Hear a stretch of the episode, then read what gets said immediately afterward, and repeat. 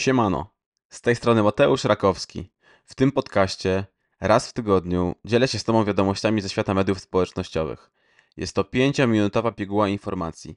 Jeśli chcesz być na bieżąco z newsami ze świata sociali, jesteś marketerem, właścicielem firmy lub po prostu lubisz media społecznościowe, obserwuj.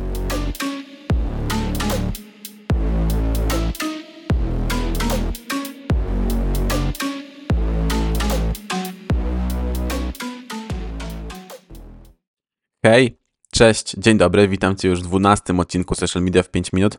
W tym tygodniu innymi o tym, kogo śledzi TikTok i jedna bardzo ciekawa funkcja, którą planuję włączyć Meta. Ta funkcja ułatwi życie wszystkim, którzy prowadzą firmowe konta na Instagramie czy Facebooku. Ale nie przedłużając, lecimy z przeglądem. No właśnie, i kogo ten TikTok w zasadzie śledzi? Ano swoich pracowników.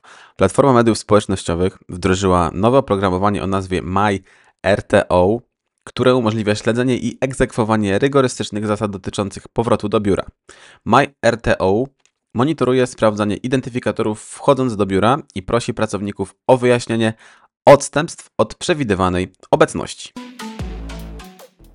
Facebook z kosmiczną zmianą. Nie robili tego od 2019 roku. Facebook zmienił swoje logo, lecz aby dostrzec tą zmianę, trzeba się mocno wysilić, ponieważ odświeżony został wizerunek literki F oraz odcień koloru niebieskiego. Moim zdaniem genialna robota.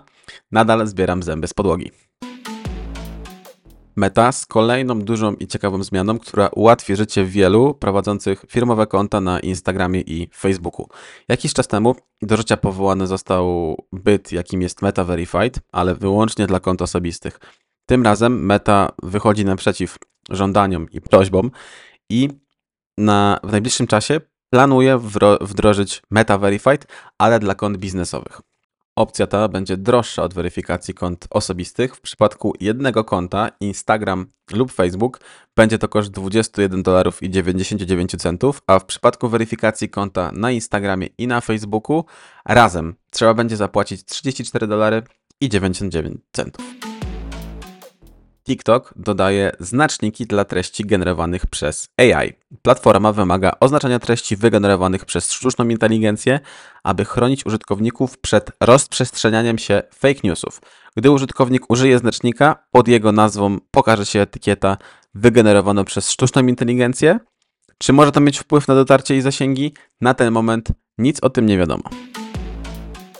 Słoń na rowerze dostępny na Instagramie, ale w zasadzie nie tylko słoń na rowerze, bo możemy wygenerować sobie to, co będziemy chcieli.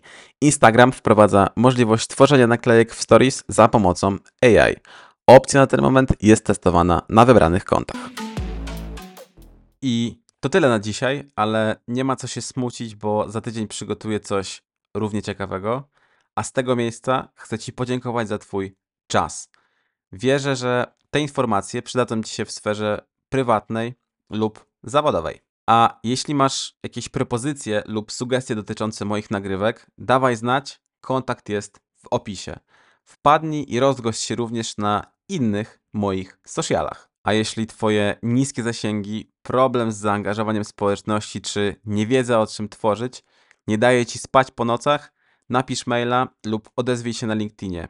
Aktualnie wszystkie miejsca na bezpłatne konsultacje mam zajęte, ale nigdy nie odmówię pomocy. Coś wspólnie wymyślimy. Do usłyszenia za tydzień. Piona!